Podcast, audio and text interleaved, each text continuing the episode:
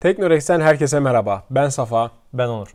Bu hafta teknoloji dünyasından neler oldu sizler için derledik.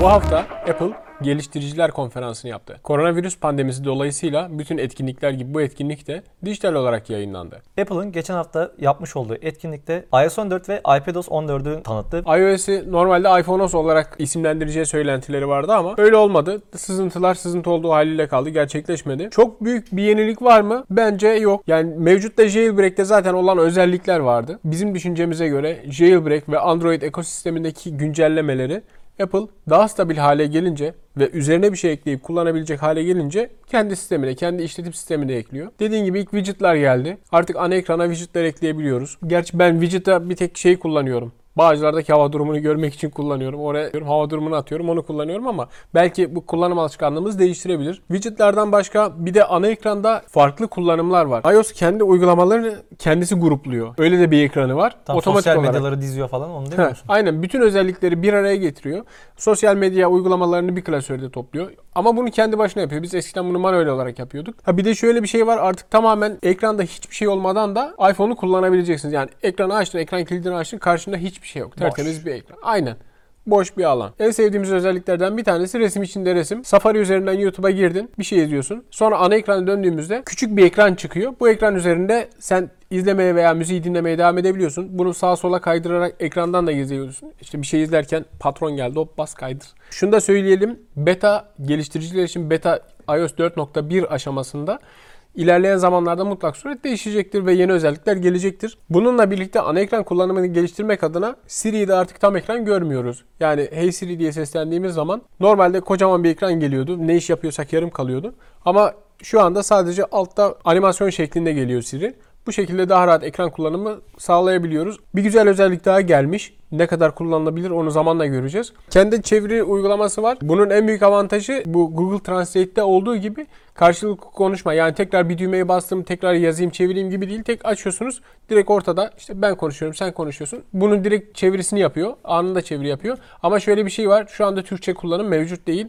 Türkçe kullanımı olmaması şu anda bizim için bir dezavantaj. Beta bittikten sonra Türkçe eklenir mi bilmiyorum. Çünkü Türkçe hem baştan eklemeli hem sondan eklemeli kullanımı zor bir dil olduğundan dolayı Google Translate'e bile çok sonradan adam akıllı çeviri gelmişti. Ekran kullanımını düzenliyor demişken yeni gelen özelliklerden bir tanesi de artık biri seni aradığı zaman tamamen ekranı kaplamıyor. Üste küçük bir bar şeklinde çıkıyor. Oradan kapatıp açabiliyorsun ya da istiyorsan onu tekrar aşağı doğru sürükleyip tamamen eski halindeki gibi kullanabiliyorsun. Android kullanıcısı arkadaşlarımız şöyle yorumlar yapacak. Ya biz bunu yıllardır yapıyoruz. Bu bizde yıllardır var gibisinden. Bazı noktalarda Apple geriden geliyor. Evet. Bunda hemfikiriz. Ancak her zaman için Apple stabiliteye önem verdiğinden dolayı bunu biraz daha üstüne ne koyabilirim? Daha en stabil şekilde nasıl çalıştırabilirim şeklinde düşünüyor. Apple ufak ama güzel değişiklikler yapmış. Son olarak iMessage'e gelen bazı yenilikler var. Şimdi burada Memoji vardı. Memoji'ye yeni özellikler eklediler. İşte bu son dönem koronavirüs pandemisinden sonra artık Memoji'nize maske takabiliyorsunuz. Bir de en üstte mesaj sabitleme. Çok sık kullandığınız kişileri veya mesaj gruplarını oraya sabitleyebiliyorsunuz. Bir de kişi etiketleme var artık. Yani normalde WhatsApp'ta et yapıp mentionladığınız zaman birine yazdığınız zaman e, bu özelliği yazdığınız gibi bu özelliği de artık iMessage'da kullanabiliyorsunuz grup görüşmelerinde. Ekstra gelen bir özelliklerden bir tanesi de e, WhatsApp'ta veya bir uygulamada emoji gönderirken e, normalde bir search kısmı yoktu emojilere. Örnek veriyorum OK yazın yanında işte şu işareti, bu işareti. E, bu son gelen güncellemede artık bunu da eklemiş Apple. Bir sonraki haberimizde de e, Spotify'a yeni gelen video güncellemesi. E, bu güncellemelerle neler geliyor? E, örnek veriyorum X bir müzik dinliyoruz. Artık bunun video klibinde e, buradan izleyebileceğiz. Normalde bu özellik Deezer'la birlikte gelmişti Türkiye'ye. Çünkü Deezer'ın asıl odaklandığı mevzu videolardı. Deezer daha fazla müzik dünyasında bu tarz faaliyetlerde bulunuyordu. Yani sektör içerisinde çok fazla eli kolu uzun olduğu için kurucunun sürekli insanlarla anlaşma yapıyordu. Yani sanatçılarla anlaşma yapıyordu. Müzik videolarını platformda yayınlayabiliyordu. En büyük öne çıkan özelliği de buydu. Daha sonra dedi ki ben Spotify'dan bir noktada geride kaldım. Geri kaldığı noktada podcastlerdi. Podcast özelliğini ekleyince bu sefer Spotify dedi ki vay sen misin bunu yapan? Ben de bu sefer video ekliyorum dedi. Yani burada tam bir başa baş rekabet söz konusu. Spotify'a gelen bu yeni özellikle de ne yapıyorlar? Artık e, kanvas görünümü vardı Spotify'da sadece. Video kliplerden birkaç saniyelik bir kısım dönüp duruyordu. Şimdi ise video klibin tamamını izler vaziyete geliyoruz. Sıradaki haberimiz sür ve dinle. Yani Drive and Listen. Yani Drive and Listen sür ve dinle Türkiye'de ve dünyada aslında çok ses getirdi diyebiliriz. Bu koronavirüs pandemisinde insanlar eve tıkılı kalınca otomatikman sokağa gitmenin, gezmenin, dolaşmanın veya sosyalleşmenin farklı yollarını aradılar. Bunlardan bir tanesi de Sür ve Dinle. Bu programda şu anda bir internet arayüzü mevcut. Ekstradan bir uygulaması yok. Ne yapıyorsunuz? Drive Listen'ın sitesine açıklamalar kısmına bırakacağız. Siteye giriyorsunuz. Orada bir şehir seçiyorsunuz ve o şehrin veya ülkenin yerel radyolarını dinleyebiliyorsunuz. Dünyadaki her şehir var mı burada? En son baktığımızda 20-30 tane şehir vardı. Bunlardan Türkiye'de İstanbul ve İzmir var. İstanbul ve İzmir neden var? Çünkü Sür ve Dinle'nin yapımcısı bir Türk. Bu web sitesiyle ilk Product Hunt'ta karşılaştım. Üstüne bir de upvote verdik. Yani biz Türk ekosistemini yabancıların tabiriyle Türk iş mafyayı her yerde desteklemek istiyoruz. Eğer sizin de yapmış olduğunuz uygulama veya benzeri bir yazılım varsa bunu bize iletişim yoluyla gönderebilirsiniz. Biz de seve seve web sitemizde yer veririz. Sıradaki haberimizde ise iPhone 12'nin Eylül'de piyasaya sürülme olasılığı var. E, ne kadar sızıntı haber olsa da elimizde Temmuz'da sürüleceğine dair bir bilgi var. İlk başta çıkan sızıntıda şu vardı. Çin'de tedarik zinciri zayıfladığı için iPhone 12'nin ertelenmesi söz konusu olabilir. Bunu biz de sitede yayınlamıştık. Ondan sonra şimdi yeni gelen bir sızıntıya göre de artık Eylül'de çıkabileceği söyleniyor. Biz de merakla bekliyoruz. Biz de bu konunun takibindeyiz. Bununla beraber iPhone 12'nin kutusundan e, şu zamana kadar hep 5 watt e, şarj desteği çıkıyordu. iPhone'un önceki serilerinde yani iPhone 11 dahil olmak üzere bu seriye e, 5 watt şarj desteği vardı. iPhone 11 Pro ve Pro Max'te 18 watt hızlı şarj desteği var. Yani kutudan 18 wattlık e, bir adaptör çıkıyor şarj etmek için. Ama iPhone 12 için 20 watt çıkacağı söyleniyor. Bununla beraber iPhone 12'de lidar e, sonar tanıyıcı olacağı e, söylentiler arasında. Yani öncelikle şunu söyleyelim bunlar tamamen söylenti. Evet. Yani bazı söylentiler gibi havada da kalabilir, gerçekleşebilir. Ama iPad Pro'da yeni iPad Pro'da bu lider sensörünü kullanması do- dolayısıyla insanlar artırılmış gerçekliğe önem veren Apple'ın yeni cihazında da bunu getireceğini düşünüyorlar. 20 Watt'a gelince aslında çok geri kalmış bir özellik. Biz bunu yıllardır bekliyoruz. En son iPhone 11 Pro'da getirdiler bu 18 Watt'lık hızlı şarj cihazını. Apple ekosistemindeki insanlar örnek veriyorum. Hem MacBook'u var hem iPhone'u var. Adam ne yapıyordu? Type-C'den hemen takıyordu MacBook şarj cihazına. iPhone'u oradan şarj ediyordu. Hızlı şarj yani yanında şarj, şarj aleti taşımıyordu. Ki çoğu insan bunu yaptı. Günümüzde daha fazlaları Hı hı. var. 50, 60 ve 80 olmak üzere birçok Android telefon bu konuda destek sağlıyor. Özellikle Lenovo'nun Legion serisindeydi yanlış hatırlamıyorsam. Bu yeni çıkaracak Hı hı, olan hı şeyde Oyuncu 80 telefonu. Watt'a kadar evet 80 Watt hızlı şarj desteği olacağı söyleniyor. Tabii bu telefondaki bilgide çift şarj girişi var. Yani çift pil aynı anda 40-40 dolduracak. Bu yüzden farklı bir teknolojiyle geliyor. Günümüz teknolojisinden çok daha değişik şekilde kullanacaktır. Yani çok daldan dala atlamak istemiyorum ama Legend serisi bu yan ve yandan kamera çıkan ben şeye benzetiyorum bunu. Nokia'nın Engage serisi vardı. Yan Eskiden. eskiden. İşte orada ekstra girişleri falan vardı. Bakalım yani Nokia bunu başaramadı. Belki Lenovo başarır. Bu oyuncu dünyasında biliyorsun Lenovo'da güçlü oyunculardan bir tanesi. Çift şarj cihazı olması dolayısıyla, çift şarj olması dolayısıyla dediğin gibi 80 watt 40-40 daha hızlı şarj edecek. Ama biz şu anda Apple'da 20'ye de razıyız. Özellikle gelsin. Biz Aynen. üründe burada incelemeyi e, dört gözle bekliyoruz. Bir sonraki haberimizde mobil oyun dünyasından geliyor. PUBG Mobile'e yeni harita gelecek Livik. Haritanın geliştirmesi devam ediyor şu anda. Erangel 2.0 olacak demişlerdi. Yani daha doğrusu sızıntılar o yöndeydi ama Livik olarak duyurdular. Harita şu ana kadar kullanılmış diğer haritaların en küçüğü ve toplam karması olarak olacak. Yani üst tarafta karlar varken haritanın alt kısmında çöller olacak.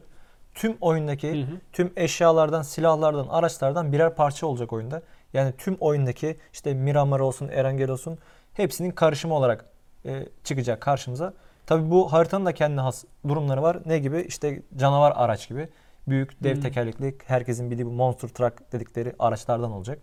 E, işte onun dışında daha farklı silahlar olacak. Daha farklı ev e, ve diğer kaplamalar olacak. Yani bir nevi oyunu biraz daha güncelleştirecek. Ama dediğim gibi bu harita daha küçük ve 40 kişilik olacak.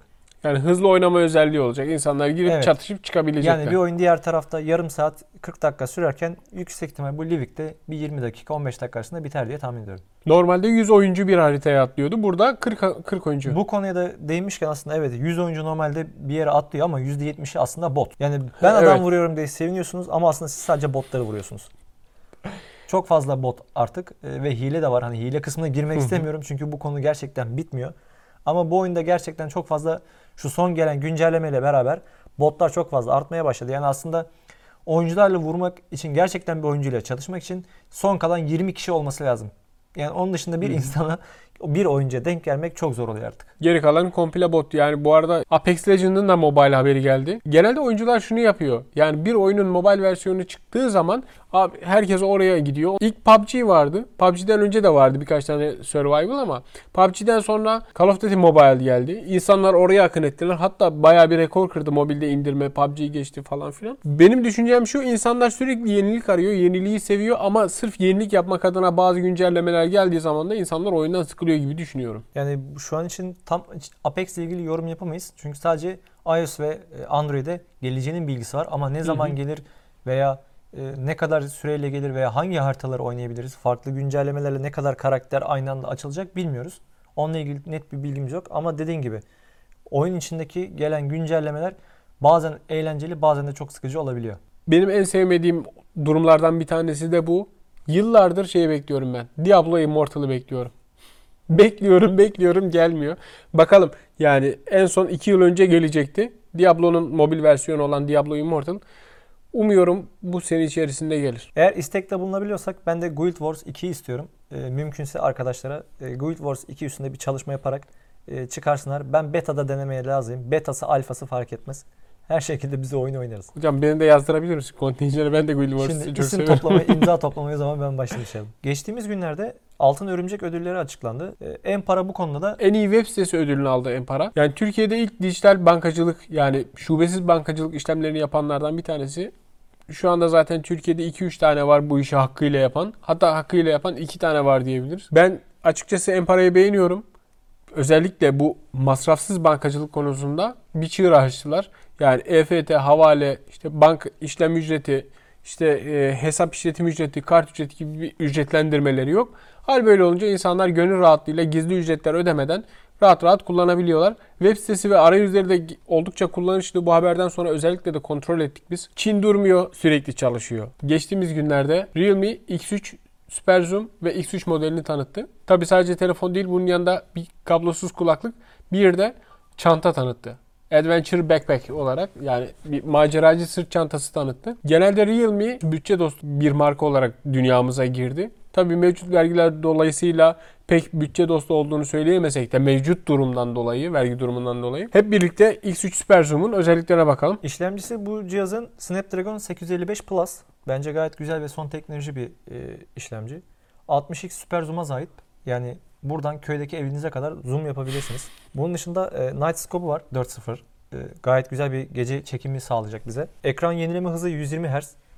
Çok iyi. 30 Watt'ta e, Dart Charge var. Yani bu son günlerde haberini yaptığımız da bir özellik. Arka tarafta 64 megapiksel ana kamerası mevcut. Onun yanında sensörleri mevcut. 8, 8 ve 2 megapiksel olmak üzere. E, cihazın ön tarafında ise 32 megapiksel ultra e, geniş açılı bir kamerası var. Tabii sadece bir tane değil iki kamerası var. Geniş açı ve düz kamerası var ön tarafta. Aynı zamanda sıvı soğutma sistemine de sahip telefon. Az önce söyledim bütçe dostu dedim ama bu bütçe dostu olmayan modellerden yani üst segment modellerden bir tanesi. Yani Realme X3 Super Zoom'un mevcut fiyatlara bakınca yani Hindistan fiyatlarına bakınca vergiler falan eklendiğinde bizim piyasada 7-8 bin liradan aşağı geleceğini düşünmüyorum açıkçası. Ki 7 bin lira ve altına gelmesi tamamen hayal olur. Yani mevcut durumda Oppo Find X2'nin 10 bin liraya satıldığı bir piyasada e, rahatlıkla 8-9 bin lira bandında satılacaktır diye düşünüyorum. Yani bu kıyaslamayı yaptığımızda zaten e, içerdiği özellikler de bunun hak edeceğini gösteriyor. Tabii. Gayet dolu dolu bir cihaz. Öyle sadece boş kutu telefon değil. Bu haftaki teknoloji gündemimizin de sonuna geldik. Bize destek olmak için videolarımızı beğenebilir, paylaşabilir, kanalımıza abone olabilirsiniz. Görüşmek üzere.